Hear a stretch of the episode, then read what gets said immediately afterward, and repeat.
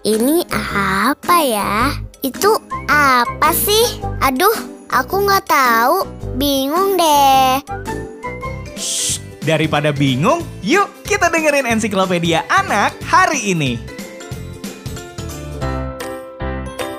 Hai Sobat Cilik, Sobat Cilik pasti pernah dengar nama samudra. Hmm, siapa nih yang sudah tahu lima samudra yang ada di dunia? Eh, tapi sebelum itu, yuk kita cari tahu dulu apa arti samudra. Samudra adalah perairan yang sangat luas dan menjadi pemisah antara benua-benua. Di bumi ini ada lima samudra, yaitu Samudra Hindia, Atlantik, Pasifik, Arktik, dan juga Antartika. Kelimanya terhubung menjadi satu bernama Samudra Raya.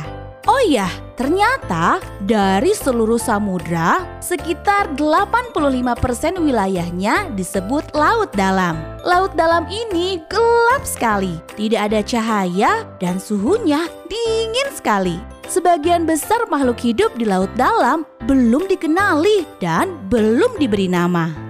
Nah, sekarang Sobat Cilik jadi lebih tahu dan tambah pintar kan? Makanya, dengerin terus ensiklopedia anak di Breakfast Club 99,2 FM Mom and Kids Radio.